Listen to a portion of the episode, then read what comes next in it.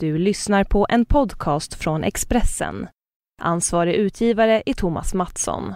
Då kör vi igång avsnitt 175 av Livshjulet med mig, Anna Hegerstrand. Du som hänger med troget här vet ju att jag just nu varvar nya gäster med återblickar av gamla gäster.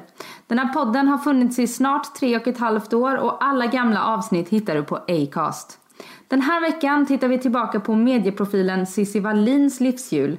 Cissi var min 19 gäst i september 2013 och då spelade vi in hemma i hennes vardagsrum på Södermalm i Stockholm. Det har hänt en hel del i Cissis liv sedan dess. Hon har bott i New York, gift sig med sin kärlek Linus Blomberg, blivit mamma till sonen Helmer och startat en av Sveriges största bloggar på Mama. Hon bor kvar på Södermalm men den här gången sågs vi i Expressens poddstudio. Och det var två trötta småbarnsmorsor som satt ner för att prata medan regnet öste ner utanför fönstret och det var onsdagen den 28 september. Vill du följa med mig? Och det vill jag såklart att du gör. Så finns jag på Instagram där jag heter Anna Hegerstrand. Jag bloggar på expressen.se Anna Hegerstrand om mitt liv som nybliven mamma, mitt jobb som frilansjournalist och entreprenör och annat väsentligt i mitt liv. Så kika gärna in på min blogg. Men nu Cissi Wallins livshjul, varsågod.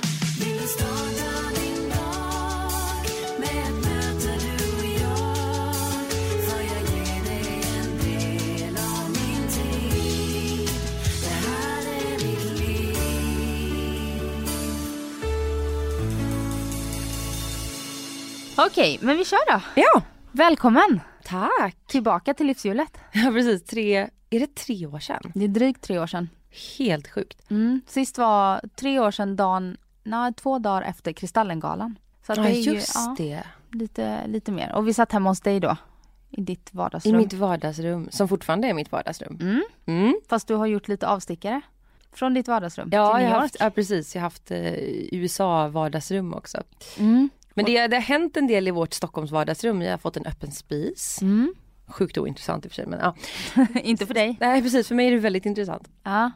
Och det har hänt eh, ganska mycket i ditt liv eh, sen vi såg sist. Ja, för oss båda. Vi har ju avlat. Ja, det, det har vi verkligen Inte med gjort. varann, Nej. men eh, tyvärr. Men eh, vi har fått varsin liten son. Ja. Min är lite större än din.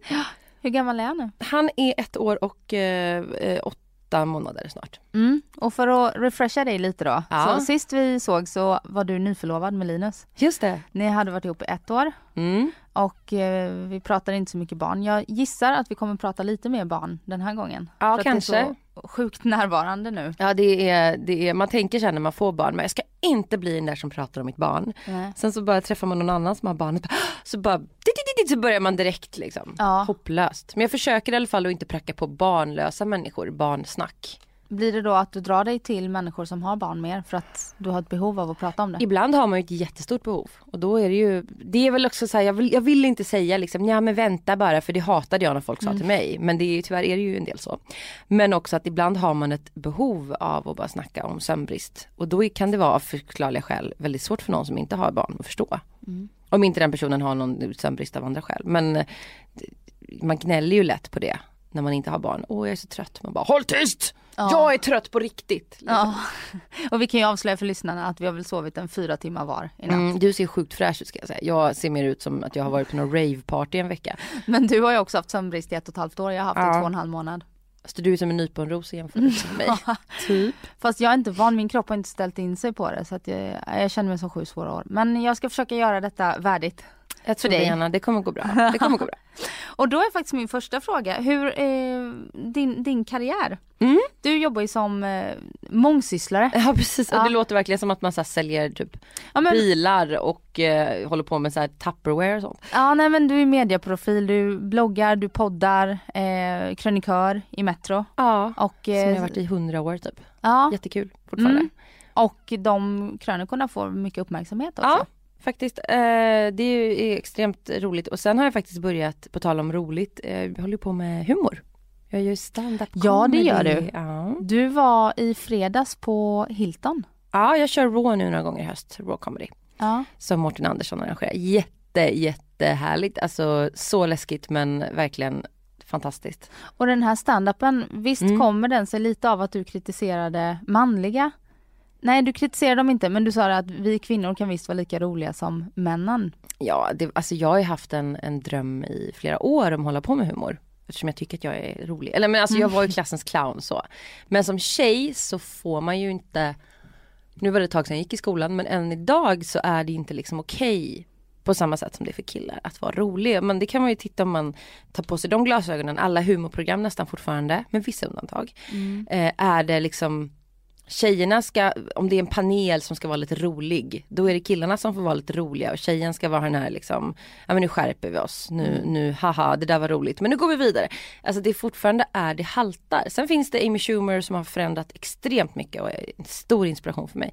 Men det har tagit sjukt lång tid för kvinnor att bara få vara så här roliga, äckliga, burdusa, eh, gränslösa inom humor då. Alltså att man, mm. man får ha hela det eh, registret. Och det inspirerade väl mig att, att ja men lite att många har sagt att du måste välja liksom. Vill du, vill du prata amerikanska presidentvalet på ett seriöst sätt, för jag tycker det är jättespännande att kommentera det som någon slags debattör. Mm. Eh, eller vill du vara komiker? Nu får du välja. Jag bara, nej varför ska jag välja? Jag har en seriös sida och en tramsig sida. Och jag tycker båda är lika intressant. Liksom. Nej men så att det är långt, långt kort för eh, ett år sedan drygt så satt jag återigen på Twitter, för det gör man ju ibland. Mm. Och inte länge, jag orkar inte twittra längre men eh, jag kollar ibland. Men då satt jag där och såg alla de här killkomikerna, inga nämnda, inga glömda.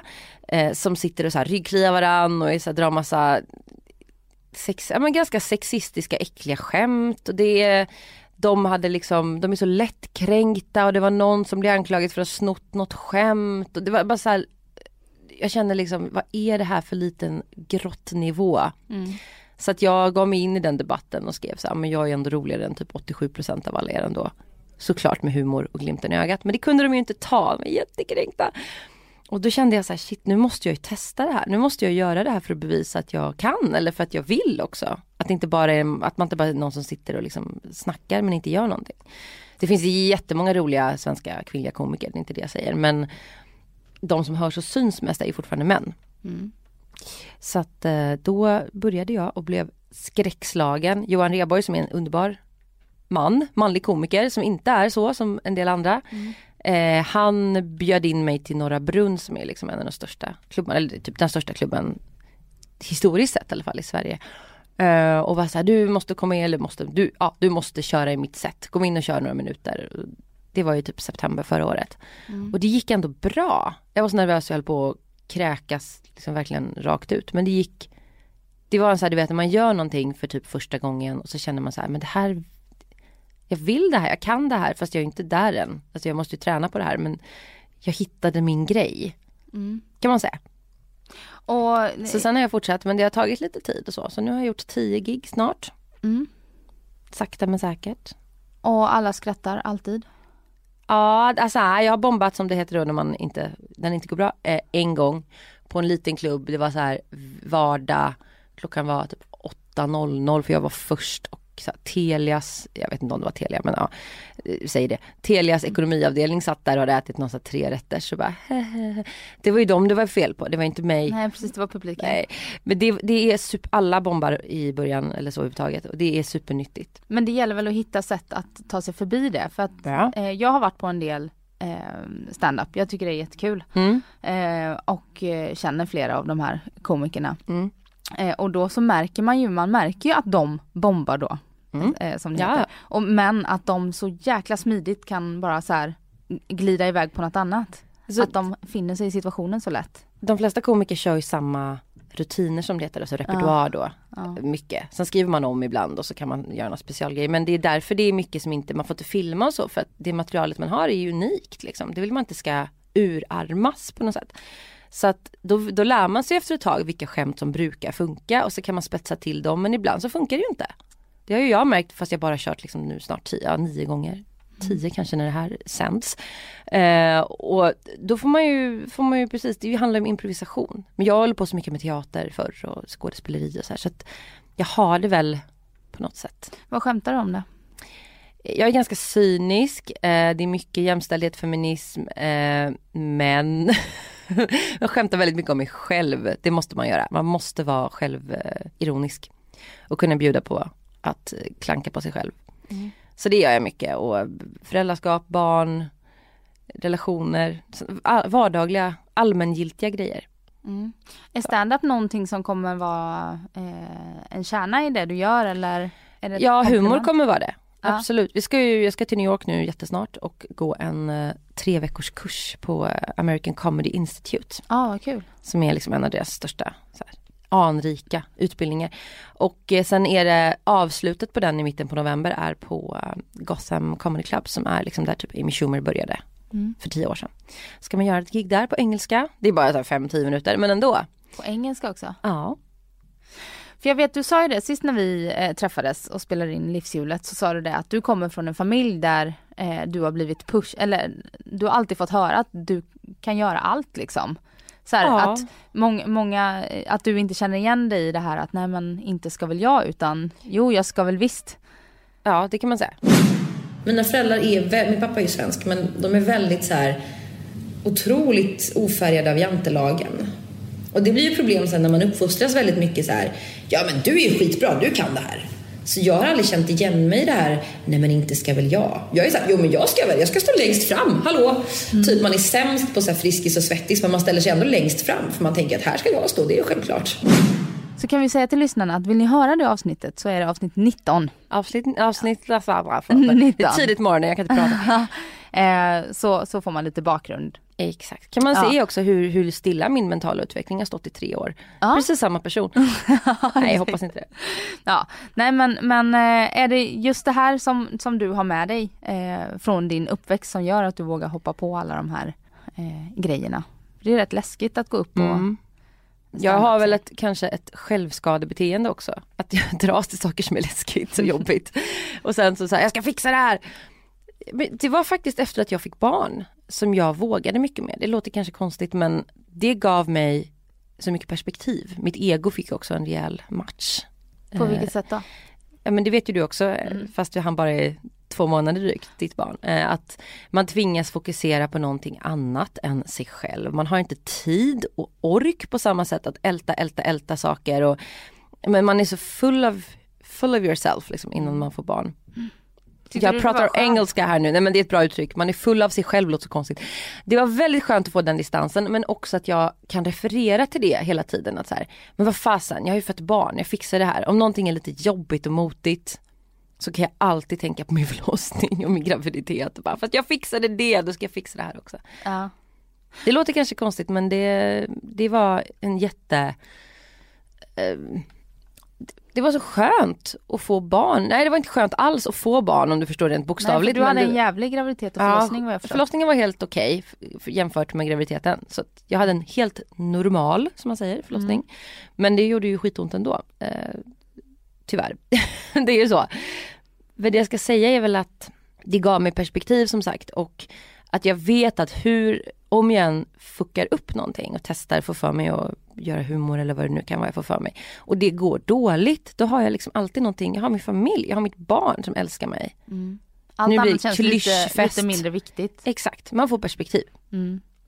Och det känns ändå som att karriärsmässigt så har du eh, spunnit på det. Du har startat en blogg på mamma. Mm. Du hade en blogg innan på, eh, om mat. Ja, jag har haft tusen olika bloggar, Ja. även inte tusen men tio kanske. Ja men din mammablogg är ju en av Sveriges 20 största Mm. typ. Mm. Eh, och sen så eh, har du en podd tillsammans med dina bloggkollegor. Hormoner, hemorrojder. Ja. Vi För- gör lite av och till.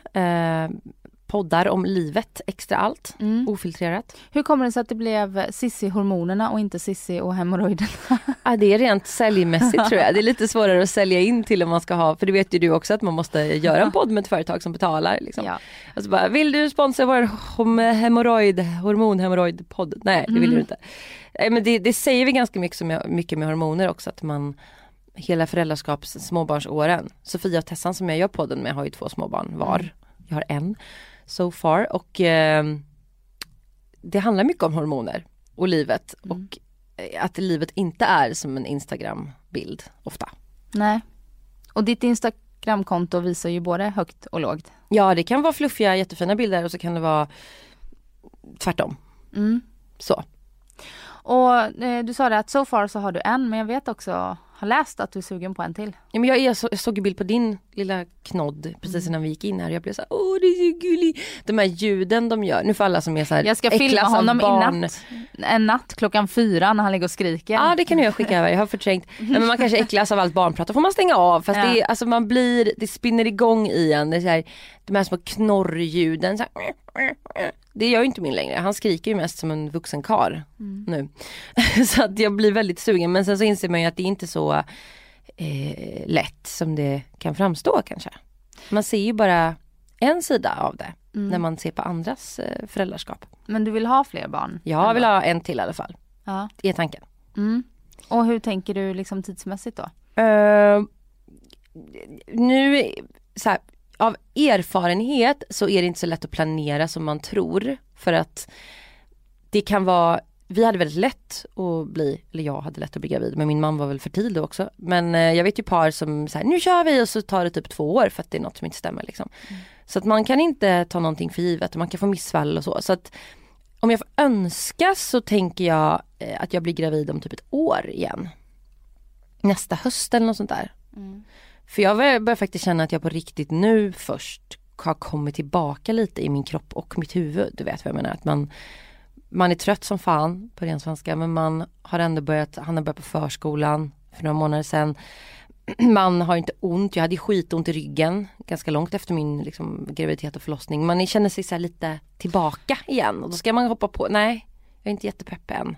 Men är du pepp på att gå igenom hela det här att ta tre år till av ditt liv, typ? Men nästa då? Ja det är ju en, det är ju en investering man gör. Alltså barn är ju förhoppningsvis någonting man har hela livet. Så att eh, första åren är ju första åren. Och vissa tycker det är asmysigt. Jag tycker inte att det är så asmysigt. Jag tycker det är ganska jobbigt med bebisar. Gulligt men väldigt jobbigt. Så att kan jag få liksom två treåringar, de är också jobbiga på andra sätt i och för sig har jag förstått. Men 18-åringar ja, kan jag typ. få två 18-åringar som jag kan gå ut och dricka öl med så är jag skitnöjd. Ja.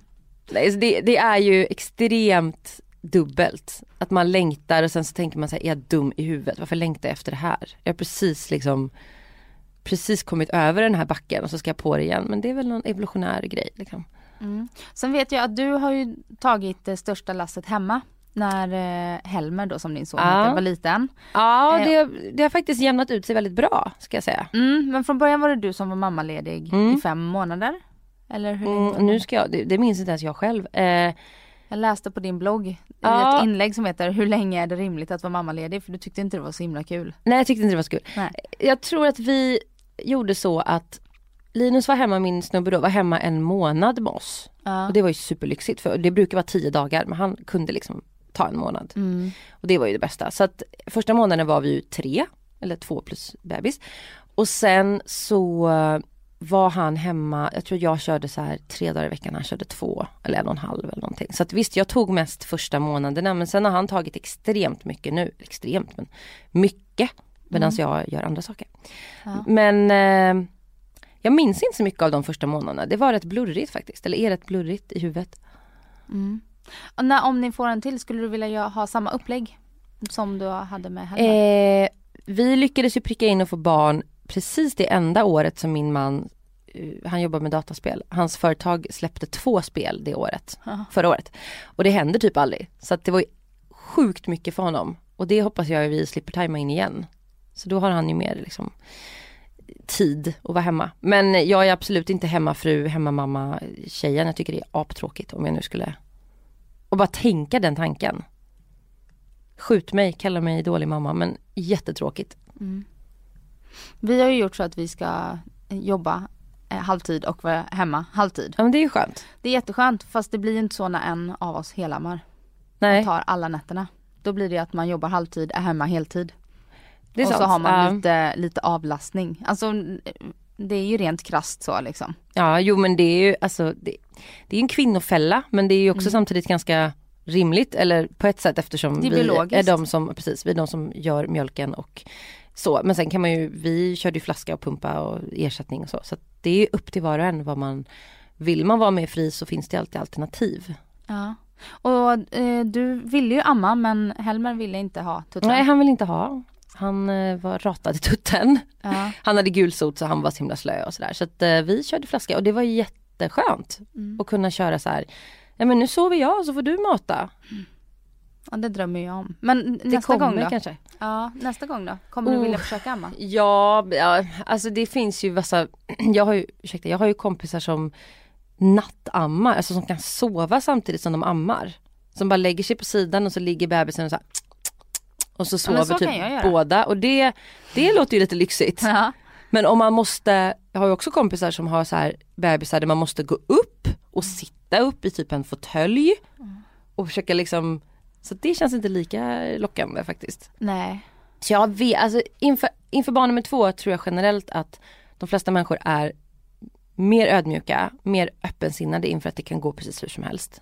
Det är, man kan få hur mycket råd och rön som helst men ingenting behöver stämma av det man tror. Man kan få en unge som är superlätt, man kan få en unge som är inte så lätt, man kan hamna i en depression, man kan bli jättelycklig. Man måste bara vara så här, inför första barnet, jag hade nog väldigt mycket föreställningar om hur det skulle bli. Och det blev delvis så, men absolut inte 100%. Nej. Kanske 50%, 40, 40% som jag trodde, 60% som jag inte trodde. Och, och sist när vi eh, sågs så eh, åt du antidepp. Mm. Eh, för att du hade ett jobbigt 2012. Det här var Ja. 2013 Ja vi just det, var så länge sedan. Ja. Gud. Jag äter antidepressiva nu för att jag har haft en post, posttraumatisk stress i vintras som hänger kvar lite. Och det är en lång historia men det handlar inte om min ADHD. Det handlar om, eh, ja, 2012 var väldigt jobbigt för mig. Min farfar dog, jag var med om en separation och det var bara så här, träffade en psykopat och blev kär. Inte Linus, men en annan psykopat. En annan psykopat, en psykopat. Han är inte psykopat. Vad fel det blev nu känner jag. Eh, jag kanske är psykopat, jag vet inte. Jag ska inte glorifiera eh, lyckopiller om man säger men eh, för mig hjälpte jag äter Zoloft då, som är den vanligaste eh, antideppmedicinen och den är jättebra för mig. Sen är det ju ingenting jag vill käka livet ut men jag insåg att jag inte klarade det här själv. Jag behövde liksom en draghjälp för att komma över på andra sidan. Så nu har jag ökat min dos och jag kör på och mår mycket, mycket bättre. Och, Det och, jävla 2012 alltså. ja, men det, det ligger lite längre bak Ja det kanske. gör det. Mm. Äter du fortfarande antidepressiva? Mm, jag äter eh, 50 milligram. Då var jag uppe i 200 tror jag. Eh, Sertralin då som är Zoloft det ja, Ja just det. Mm. antidepressiv medicin, den vanligaste. Och eh, jag åt den under hela min graviditet och sen efteråt också bara för att Det eh, påverkar inte? Nej. Det kan påverka men inte, det finns ingen forskning som visar att det liksom påverkar barnet på ett alltså långsiktigt, att, att de får några, att det händer någonting med dem Nej. Eh, som är dåligt. Så att eh, de rekommenderar det om man har stått på den medicinen länge och mår bra av den. Sen är det ju inte någon mirakel att man säger åh jag älskar livet utan det är mer att det kapar de här värsta ångestdalarna liksom.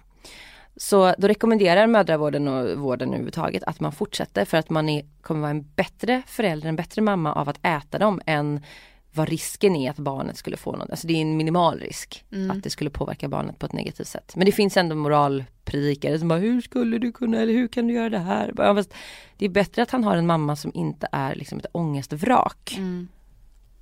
Så tänker jag. Och, och din ADHD, Mm. vad, eh, vad har den gjort i ditt eh, moderskap? I mitt liv. Ja, i ditt liv och ditt moderskap nu? Jag har mycket energi och det är ju bra. Men jag blir också, det är så paradoxalt med, med framförallt ADHD, man blir väldigt trött snabbt. Man är lite som ett barn själv. Man har den här skruva upp liksom i rumpan typ. Lät jättekonstigt. Du fattar vad jag menar. Man kör igång Duracell-kaninen och eh, sen så är man liksom det är 120, det går 120 och sen bara däckar man. Alltså man blir så trött. Så eftermiddagarna är ju väldigt jobbiga för mig. Jag kan vara, ha mycket energi, jag är morgontrött i och för sig, men jag kan ha mycket energi så här förmiddag och bara få skitmycket gjort och, och sen när jag ska hämta på förskolan vid halv fyra, tre, halv fyra så är jag så trött. För då har jag ju liksom jobbat hela dagen, sen ska man ta hand om en unge. Men då har vi löst det ganska bra. Då, Helmer är ganska trött också när han är precis när man hämtar, sen får han ny energi. Men då kan vi gå hem och så kan vi så här chilla lite och jag är helt okej med att jag har liksom accepterat det som mig själv. Jag är inte mamman som sätter mig på golvet och leker med mitt barn. Han får leka själv.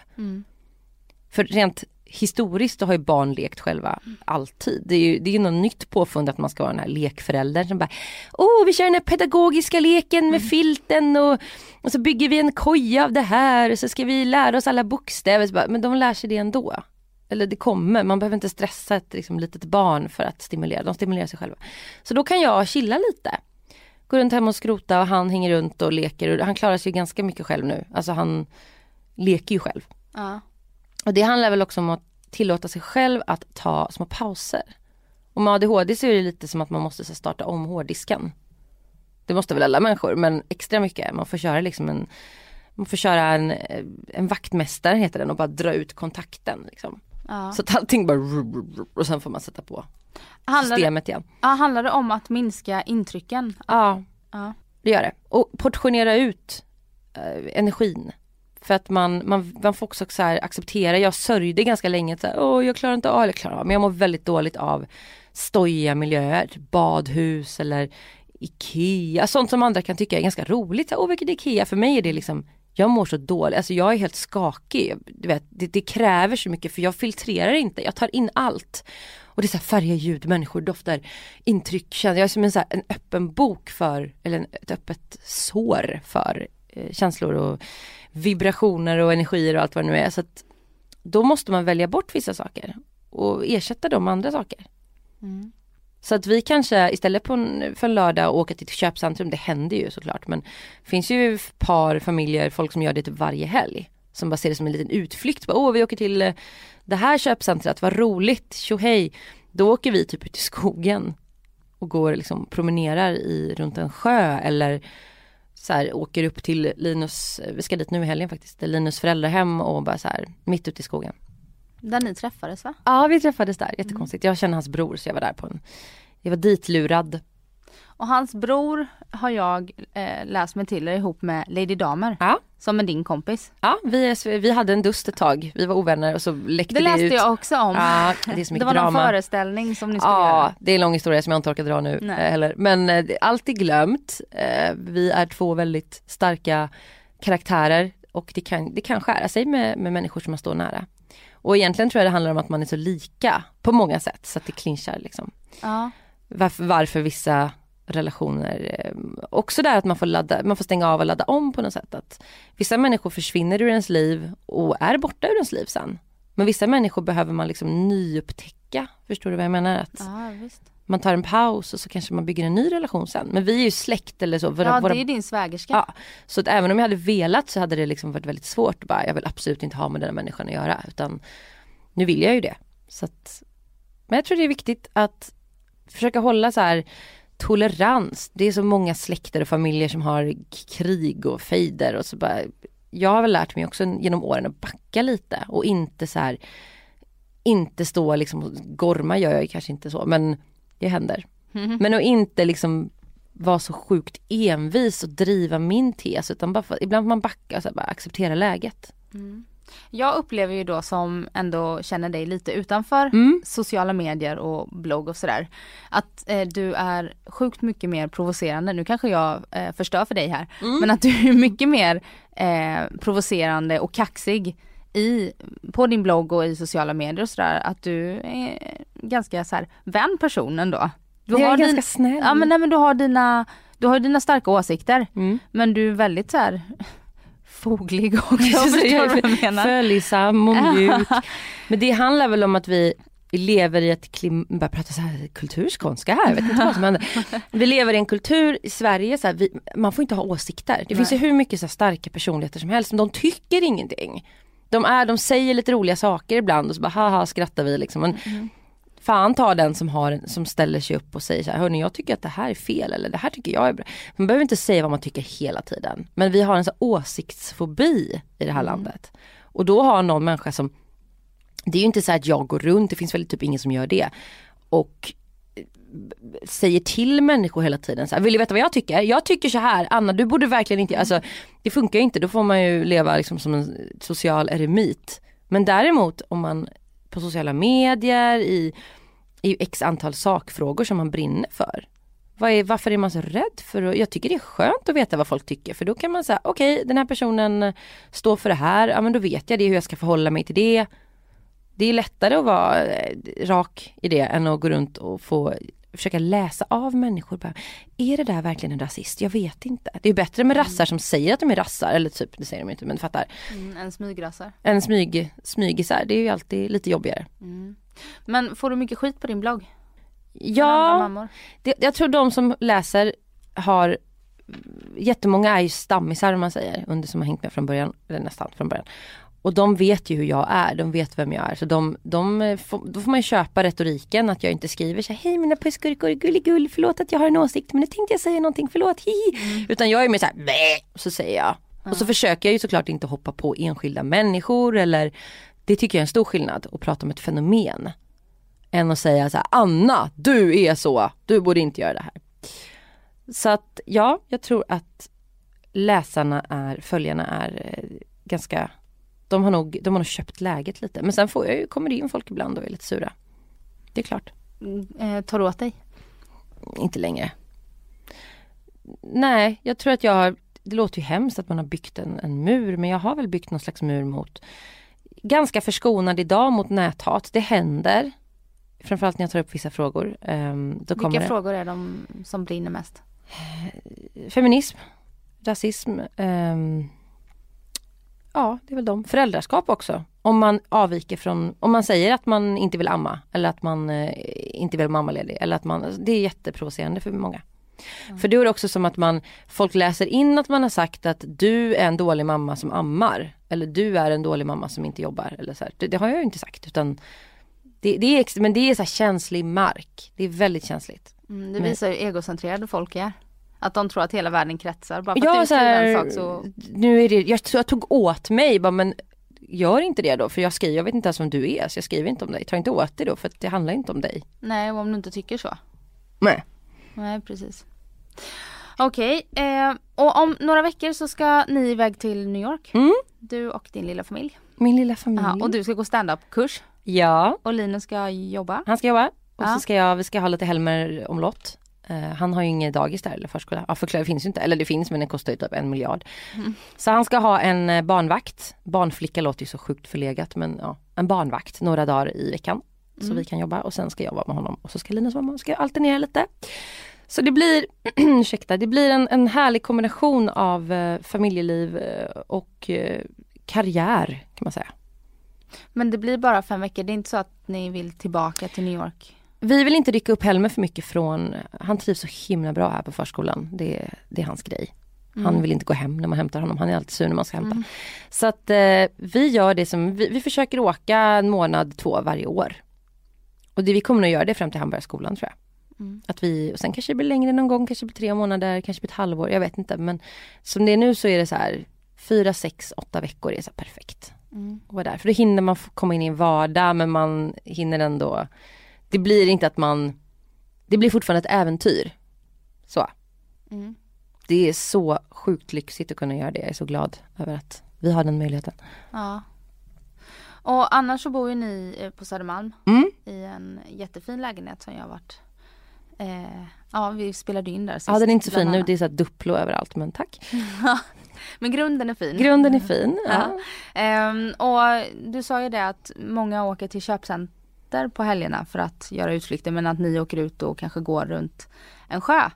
Ja, Hur? vi försöker göra lite mer vad ska vi säga, avslappnande aktiviteter. Typ ja. åka och sitta på så här, nu går inte det med barn lika bra men man åker liksom till det finns ju skitmycket så här mysiga ställen ganska nära stan men som ändå är lite på landet så här, så man kan släppa ut barnet, bara spring på den här ängen eller på den här gräsmattan. Mm. Och det är det jag undrar, eh, trivs du med att bo mitt i den hetsiga stan när du är så känslig för intryck? Eller Faktiskt, vilja... alltså det är så konstigt för att jag Det handlar ju om att få välja intrycken också.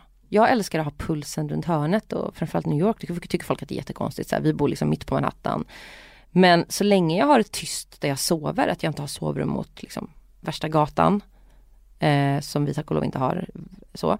Eh, och så länge jag kan välja att inte vara en del av det där så är det det bästa jag vet. För jag vet liksom att det händer så. Du vet, jag har alltid så gillat när man hör grannarna eh, till en viss gräns då. Men ja. vi bor på en restaurang nu här i Stockholm och man hör så sorlet varje kväll och folk sitter och äter och klirrar. Jag tycker det är skitmysigt.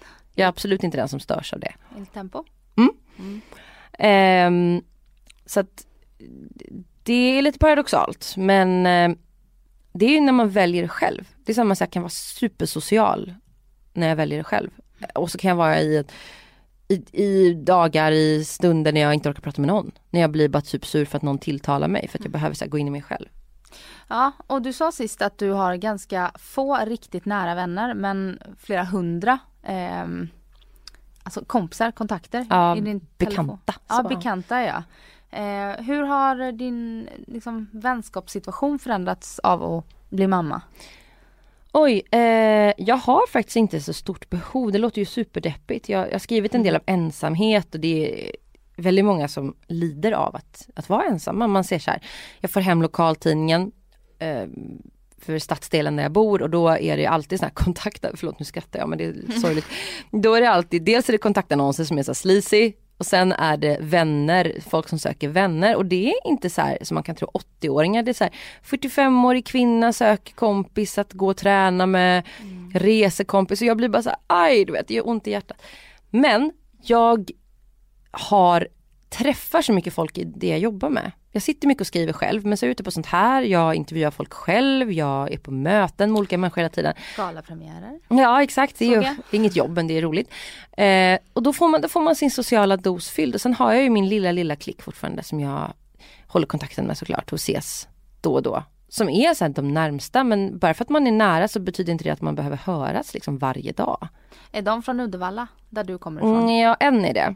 En har jag, en gammal kompis har jag kvar. Hon har också fått barn ganska nyligen så vi kan liksom förenas i det också. Men eh, sen har jag ganska mycket barnfria kompisar eller folk som har större barn eller Det har inte gjort någon skillnad egentligen för att jag träffar inte folk så ofta ändå. Alla har så mycket musik, det låter ju jättesorgligt men har, har, har båda samma behov så är det ju inga problem att säga, ah, men vi har så mycket nu, kan vi ses nästa helg? Så ses man en söndag och käkar en brunch och sen kanske man inte ses på typ två veckor igen men det gör ingenting. Sen blir det väl lite så att man söker sig till människor i samma situation som sig själv. Annars så blir det lätt kravfyllt. Säg att du umgås med en människa som har ett jättebehov av att höras varje dag och ses tre gånger i veckan. Ja nej Då gud. blir ju det bara krav.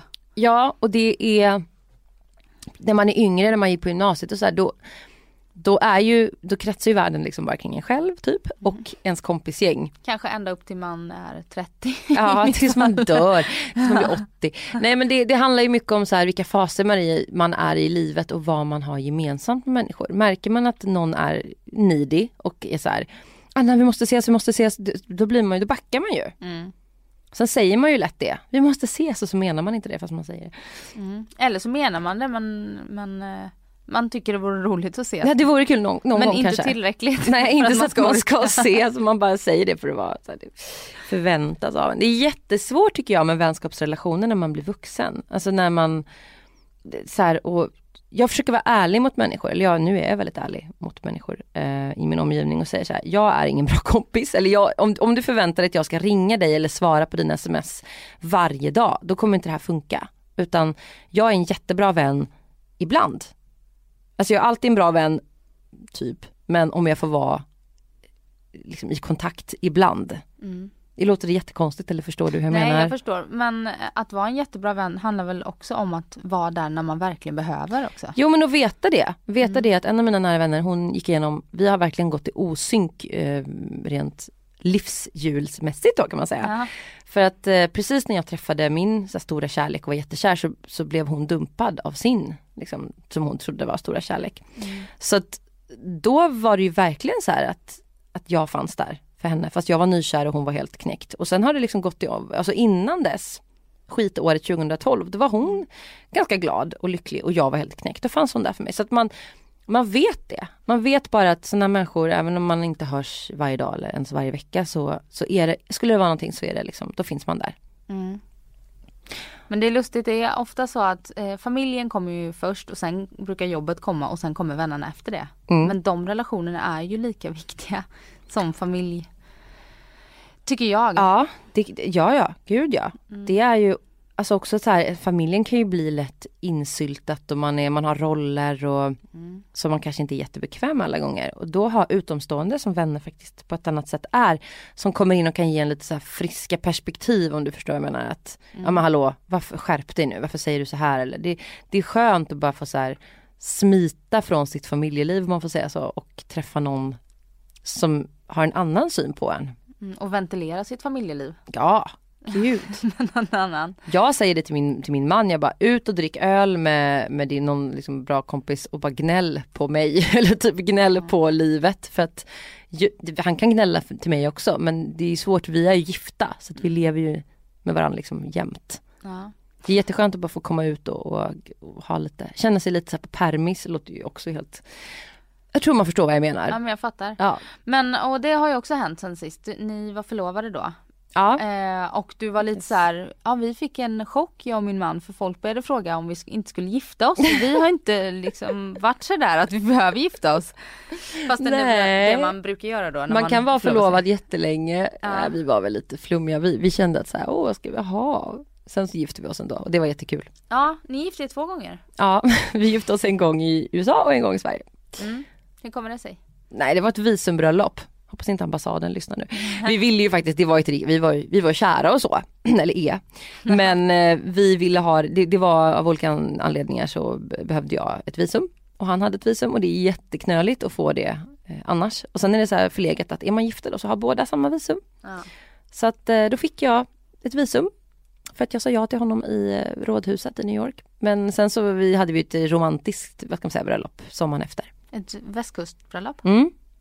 Och om man eh, vill eh, höra lite mer detaljerat om det så kan man ju lyssna på det avsnittet av er podd. Där ni Ja. pratar bröllop. Cissi hormonerna, bröllopsspecialen finns på, man får söka på iTunes och Acast och sådär. Ja. Det, det finns alla detaljer. Och det var för, eh, för ett och ett halvt år sedan eller? Som jag gifte mig Ja. eh, förra sommaren, ja precis, vad är det, oktober nu snart? Ja, förra sommaren. Mm. Heter du Blomberg också då? Ja, på pappret. Mm. Det är ju inte att jag presenterar mig som det. Nej. Någon jävla måtta får det ju vara. Mm. Cissi Wallin. Blomberg. Ja nej men Wallin är det väl liksom eftersom det är mitt, vad ska man säga, hur ska jag uttrycka det här utan att det låter helt, mitt brand. artistnamn. Ja precis, mitt artistnamn. Och vad var det, för jag har ju träffat Linus några gånger. Ja. Eh, och eh, du har ju berättat att du tidigare har dragits till ganska destruktiva killar. Ulf Lundell-typen. Jag tror såhär Ulf Lundell, jag bara nej vi har inte legat. Men den Eh, typen, de här lite svåra Sa jag killarna. Ulf Lundell-typen? Ja, du sa det ordagrant. Men gud vad tänkte jag på då? Eh, ja okej. Torsten Flink typ. Ja, nej men alltså killar som gärna så skriver en bok som aldrig blir klar och eh, har mycket så här, det är mycket nu, det är mycket med mitt kreativa. Man bara, mm, I Mycket hear svart. You. Ja, det är mycket svart.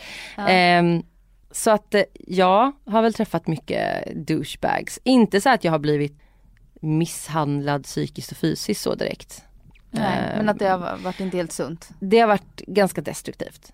Och så Mm. träffade jag Linus som är liksom, svär, ja, han är ingen svärmorsdröm så, alltså, han är ju ingen sån här check hurtbulle som går upp och rostar müsli liksom och joggar klockan sex på morgonen. Fast när jag var hemma hos er så stod han och gjorde pulled pork. Ja men det var nog bara en gång, det har aldrig hänt efter det. Han gör det varje dag. Nej, Han men kom hem åtta och började göra pulled pork som tar vadå 20 timmar? Ja men det var nog att det skulle vara något, det, det tror jag han gjorde för att, vet inte, imponera på dig eller någonting. eh, nej men han, han är väldigt så här normalstörd. Mm. Kommer från trygga förhållanden, gick på Waldorfskola, så här, har närt i sitt känsloliv. Är liksom antitesen till en machokille men sen har jag absolut inte, vad ska vi säga, an, det man brukar använda som motpol till macho är ju någon slags mes. Och det är så konstigt, så här, vad är en mes? Men han är en trygg person. Och det har ingenting med manlighet, alltså jag är just så trött på när man pratar om manlighet, att det ska vara så här killar som ska beskydda en och visa sig starka och jag tycker det är totalt osexigt liksom. Att man måste försöka man måste försöka så här bevisa att man, att man är någon så här Paolo Roberto-man. Vad, ja, vad var det som gjorde att du föll för honom då? Eftersom att han sticker ut från ur mönstret. Ja, men han är så trygg. Han har typ, jag har aldrig träffat en människa som har så lite hävdelsebehov. Men det, de här killarna som du föll för innan var ju inte trygga och det var Nej. det som lockade lite kanske. Ja det är väl en personlig utveckling. Alltså det, jag hade ju haft en riktigt crappy relation precis innan jag träffade Linus och det tog väl lite, det var väl droppen kanske att jag hade jättebra kompisar som jag fortfarande har då också som ruskade om mig och sa, hörru skärp dig nu. Vad håller du på med? För man är den här jobbiga vännen som ringer och bara "Åh, När man ringer liksom tionde gången eller kommer hem till någon och grinar över en dålig snubbe Då är, uppskattar jag vänner som bara Vad håller du på med? Istället för att säga åh stackars dig utan att de säger så här, "Va- varför du får skylla dig själv typ. Nej det sa de inte men Fast det är ju lite så. Ja. Om man gång på gång går i fällan. ja de, de sa inte det ordagrant men de antydde väl det så att jag fick ge mig själv en liten örfil så. Sen blir man ju kär och vi var ju absolut inte varandras typ tyckte vi, jag och Linus alltså, men sen så var vi ju väl uppenbarligen det. Så man får ha lite öppet sinne. Vi hade ju aldrig träffats på typ Tinder.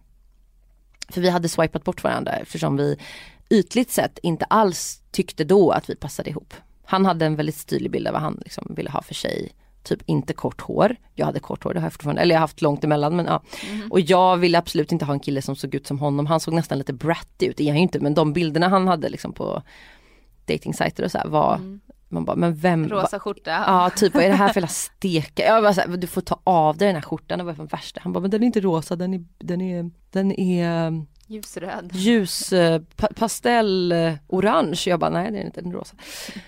Så att jag tror man eh, kanske måste ha lite öppet sinne ibland. Vad var, ja Ofta. precis, vad var det som gjorde att ni såg bort från de här bilderna ni hade av varandra och ändå så här kunde, för ofta så är, fastnar man ju i den här bilden man har av en person. Alltså datingvärlden är ju väldigt konstig, eller det är ju inte konstigt egentligen men det är ju konstigt på så sätt att man ska träffa någon och så ska man göra det nu då ofta på ett väldigt ytligt sätt. Krogen där man bara ser, man vet ingenting om en människa, man, man ser någonting och så attraheras man av det man ser. Det är ju inget fel så men egentligen. Eh, eller sitter man på en app eller en sajt och så bara en bild liksom. Är, folk, folk kan säga vilken skit de vill, de går på bilderna 100%. Ja, Eh, och sen utefter det så ska man liksom så här, gå på en dejt, bara, vad jobbar du med? Sitta så lite stelt och försöka, man börjar liksom helt fel ände. Men vad är alternativet? Jo men vi träffades ju på en eh, grillfest kan man säga. Ja, genom Där, vänner. Ja, genom hans familj men som är hans brorsa och hans fru är mina kompisar. Och då möttes vi ju någonting annat liksom. Det var ju inte det att vi satt där och hade en ut utstakad dejt utan vi var ju bara så här, ja vem är du? Nyfiken på en sån ny människa, spännande.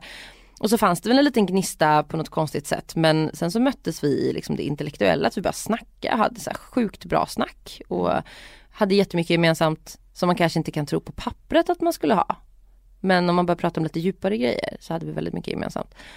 Um, och utifrån det så växte det fram en attraktion och en kärlek. Än att man börjar i den änden att säga, gud vad du är härlig, vad du är snygg, och du har verkligen det utseendet som jag har på min lista och sen ska man liksom, det är, ju, det är inget fel att bli attraherad av någon, det är väl hela grundförutsättningen men det ska ju vara någonting mer också. Det ska ju liksom bottna i någonting annat. Hur länge var ni ihop innan ni fick Helmer? Eh, två år. Två och ett halvt. Två år. Jag kom, ja, något sånt. Ja, och hur har relationen? Nej, tre år. Ja, skitsamma. Ett tag. jag har ingen, jag har ingen närminne. Hur har relationen ehm, ändrats av att få barn då? Vi har nog blivit, vi var, var ganska så pragmatiska för att min brorsa har två barn och han har varit väldigt, vi har inte jättebra relation tyvärr men vi pratar en del ändå ibland, det händer. Och han har varit väldigt ärlig mot mig och min mamma och pappa är också ganska så cyniska, de, bara, de är fortfarande gifta och glada och så men de har kunnat säga liksom att det kommer bli skitjobbigt. Det kommer vara så trött, ni kommer bråka, det kommer vara oromantiskt. Så vi hade inte ställt in oss på, många som får barn tror ju på allvar att man bara ska så här, vad mysigt och vi går så långa barnvagnspromenader och nu är det så här gosar i sängen. Man bara så här, det gör man kanske ibland men det är ju ett krig man ska föra. Mm. Det, förlåt Anna, men det är ju en mm, kamp. Och det är jag är mitt så, uppe i det här ja, kriget. Det är jag fortfarande också. Men det är så många som separerar och jag tror hobbypsykologmässigt att Många separerar för att de har skeva förväntningar. Mm. Inte för att de egentligen inte älskar varandra längre eller för att de liksom vantrivs utan det blev inte som man hade tänkt. Och så är det, känns det som ett så stort misslyckande att man bara inte ser någon annan. Liksom. Man är så besviken på sig själv också för att man hade en rosa, liksom, rosenskimrande bild av hur det skulle vara att vara mamma och vara gift eller så här. Bara för att du gifter dig, det är ju samma jävla skit du vaknar upp till ändå. Du var lika, du var lika dålig morgonandedräkt fast du är gift liksom. Det är ingen skillnad. Nej. Så det är ju, jag tror vi, för oss, ja folk frågar är ni lyckliga? Ja jag tror det. Vi, det funkar, vi har roligt, vi älskar vårt barn, vi ligger med varandra eh, hyfsat. Alltså vi, jag tror, slutar man med det så är man också i en riskzon. Men hur lång tid får det gå då? Mellan liggen. Ja och efter man får barn. Eh, oj, men det där har jag skrivit om och blivit jävla ramaskri. Det är klart att man, om man är tjej då och har fött barn så är man ju fysiskt kanske inte redo eller psykiskt på ganska länge. För oss dröjde det väl fyra veckor, fyra, fem veckor. Men jag var ju livrädd för att jag skulle typ vara som en så här eh, Tingstatunneln där nere. Jag bara hallå! Men det, var, det gick tydligen bra, det har funkat. Ja, det känns intakt igen men eh, jag tror också så här, sänka kraven. Ligger man en gång i veckan, eh, en gång varannan vecka tycker jag det är så här, sen är det superindividuellt. Men för mig är det så här, bara det finns en regelbundenhet i närhet, sex och sen behöver det inte alltid vara kvalitet, förlåt men du förstår, men det behöver inte alltid vara så här, nu tänder vi ljus och så sover barnet och allting är jättebra. Du menar att det är bättre om barnet är vaken? Nej men barnet sover inte alltid men då får man liksom då får man göra det på något annat, då får barnen en iPad och så går man in i ett annat rum. Nej men hur gör man annars? Alltså, ja, nej, det gäller att vara kreativ. Det, man kan inte ha så höga förväntningar, det är, det är vad det är. Mm. Anita Schulman som är en bra kompis med mig, känd mamma, kändismamma, hon, hon... Och har varit med här också. Ja precis. Mm. Hon eh, har väldigt mycket propsat för Bolibompa-knullet. Ja just det att man liksom drar på Barnkanalen, Bolibompa, det kanske inte är det de vill bli förknippade med men skitsamma. Och så har man, vet man att nu är det här programmet liksom 12 minuter, nu, nu har vi 12 minuter typ och så går man in i ett annat rum och så bara, Man kan hinna mycket på 12 minuter. Gud ja. Särskilt efter man får barn blir man väldigt effektiv. Ja allt är, du man ska inte säga att småbarnsföräldrar inte är effektiva. Nej. Det är sjukt effektivitet. Eh, sjukt mycket effektivitet. Jag tror att det handlar om i förhållanden och varför jag fortfarande är lycklig och gift, eller ja, hyfsat lycklig är jag ju i mig själv nu. Det, det är bara att man är trygg, att man vet att den personen finns där även när man har dåliga dagar och att man finns där för den personen när den personen har dåliga dagar. Vi har ju skitdåliga dagar. Men det är inte det här destruktiva att vi är elaka mot varandra eller att vi liksom, det finns ju par som trycker ner varandra och bryter ner varandra. Utan att man hela tiden ska lyfta, försöka eller vad lyfta liksom mm. varandra. Det är det som är så svårt bara när alla måsten kommer in och sömnbristen att mm. hålla den här fina tonen till varandra. Det är så lätt att bara snäsa av och Det är någon som har sagt att det som sägs, det som händer på natten, det man säger på natten det räknas inte. Det räknas nej. Varken till barnet Gud. eller till sin partner. Alltså jag har ju typ kastat kuddar på, på Linus. Bara, varit så här hormonell idiot. Men då är han så bra, då är han så här han kan bli arg också men han är mycket lugnare än vad jag är. Så han är så här, okej, okay, Mm. det, här, det här kommer inte du stå för imorgon liksom. Backar ut ur rummet. Blir inte du provocerad då när han är så lugn? Jo det blir jag ju fast det, alltså vi jag brukar, jag brukar säga också att det är jätteskönt att få barn, man orkar inte bråka. Man orkar inte, du vet, förr kunde jag vara ganska svartsjuk. Jag hade en period när jag var väldigt svartsjuk av någon anledning. Jag brukar inte vara det generellt men jag hade en fas liksom när vi träffades och sådär. Eh, och allt det försvann när vi fick barn. För jag, när, alltså, även om han skulle vilja vara otrogen, när fan skulle han orka och hinna det? Nej, precis. Och så här, jag hör om så här, småbarnsmamman Lisa hade en affär. Man bara, när då? När ja. hade hon tid och ork? när fanns det tid att ha en affär? Snälla berätta, jag vill veta. Plus att jag känner att man får självförtroendet i så här, jag har tryckt ut hans barn. Mm. Varför skulle han vilja vara med någon annan? Jag är, måste ju vara gudinnan i hans liv. Exakt, den ödmjukheten gillar jag. Mm. Nej men faktiskt, man får hylla sig själv lite. Ja men verkligen. Och hur tänker du nu då eh, framöver? Hur ser, eh, ja, vi är ju inte framme vid årsslutet än men liksom om du tänker så här 2017 och så Oj det känns verkligen framtiden. 2017 känns som så här man ska ha eh, flygande bilar och kommunicera ja. med telepati och sånt. Almost there. Ja, eh, gud vad tänker jag? Hur vill du att livet ska se ut då? Arbetssituationen till exempel? Ja, jag vill fortfarande frilansa, jag älskar att frilansa. Jag har kommit fram till det att har försökt att liksom vara anställd eller det blir man ju typ inte längre men ja. Så här, nu ska du sitta här i fem månader och göra samma sak på samma plats. Jag får ju panik liksom. Eh, och sen funkar det för många, tack och lov, men inte för mig. Så att jag kommer fortsätta frilansa, jag kommer göra mer humorgig. Eh, jag kommer skriva mer humor, förhoppningsvis göra något TV. Håller på med lite, det är så evighetsprojekt, man har haft pitchar som det heter då, förslag på tv-kanalerna i flera år. Men till slut så kommer man fram till att men det här blir det. Du hade ett tv-program för tre år sedan som du var så här, det här är mitt drömprojekt. Ja. Som du sa, det här får ta tid, det här får ta mm. hur lång tid som helst. Det är Var lång... är du där? Där är jag i ett nytt format nu. Ja. Gud jag är så dålig på att tålamod Anna men i det, här, i det här fallet så har jag haft det. Och faktiskt blivit erbjuden att göra det men tackat nej för att jag har inte velat göra det i den, eh, på den kanalen och i den liksom, formen som jag blev erbjuden. Mm. Så då har jag sagt nej då skiter vi det här och så gör jag någonting annat av detta. Så eh, jag och Daniel Paris håller på med en grej. Mm. Som jag hoppas blir ett bra tv-program. Ja vad roligt. Som är en vidareutveckling av det. formatet.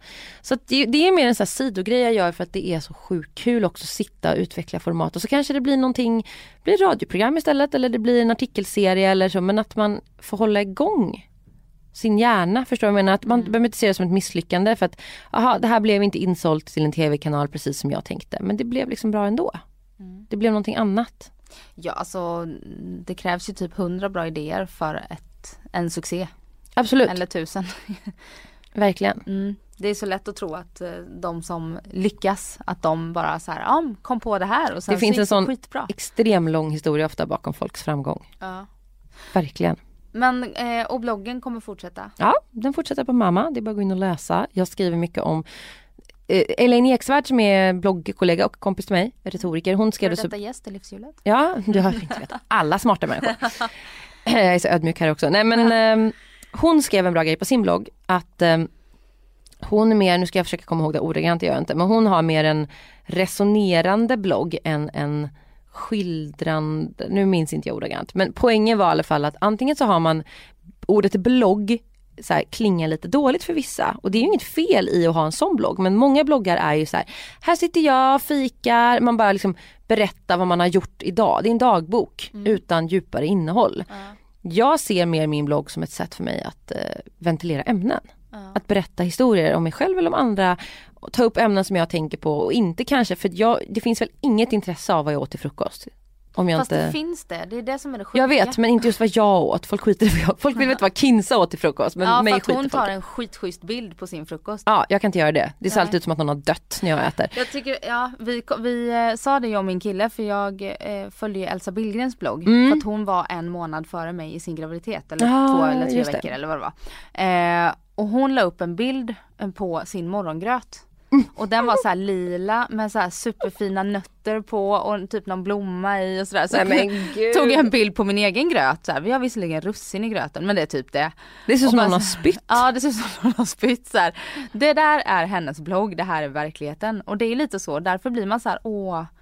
Men sen tänker jag att hon kanske inte äter sådana grötor varje dag. Alltså jag tycker bara... det, det, finns, det finns ju plats för allting. Det finns mm. plats för eh, lifestyle då som det heter som är mm. inspo där Elsa är jätteduktig på det hon gör. Mm. Man, man går in och så är det som ett dockskåp. Det kan vara superhärligt om man är på det humöret. Ja det är och, som ett flott magasin liksom. Exakt och sen finns det bloggar som är mer som min eller som hormoner och hemorrojder som är livet utan filter. Mm. Och sen kan folk tycka så här, gud vad du gnäller, ja ah, fast det här är mitt liv, det här är min verklighet. Mm. Och det är fan så mycket roligare att skriva om någonting man är arg på eller någonting man är trött på än att skriva om så här solen skiner alltid bra. Då kan jag istället få in det i så här, jag är så tacksam över det här. Eller, det är saker som är härligt hela tiden. Mm. Men det är inget som berör? Nej, oftast inte. Mm.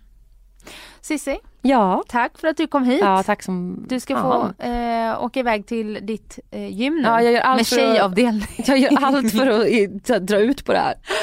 Jag måste göra mina ryggövningar. Jag bara, nej men jag är lite trött idag. Så, du har träningskläderna på dig. Ja men jag iväg. måste liksom göra det för att ens komma dit. Ja, är, är du duktig på att hålla igång? Eh, jag har periodare. Ja. Men för mig med, med ADHD också så är träningen jätteviktig. Att jag verkligen får, jag är som ett litet barn då, jag måste få ur mig min energi varje dag och det får man ofta inte som vuxen Nej. eftersom man sitter mycket still. Och då måste jag gå liksom och kötta en timme och sen är jag så här, då känner jag mig renad typ. Mm. Så det har inte någonting med så här, komma i form hets. Det är klart, klart det är schysst att vara, ha muskler liksom och sådär mm. men för mig handlar det mer om att kanalisera energi. Mm. Du ska få gå iväg och kanalisera nu. Ja tack. Ha det så bra. Tack detsamma. Hej då. Hej då.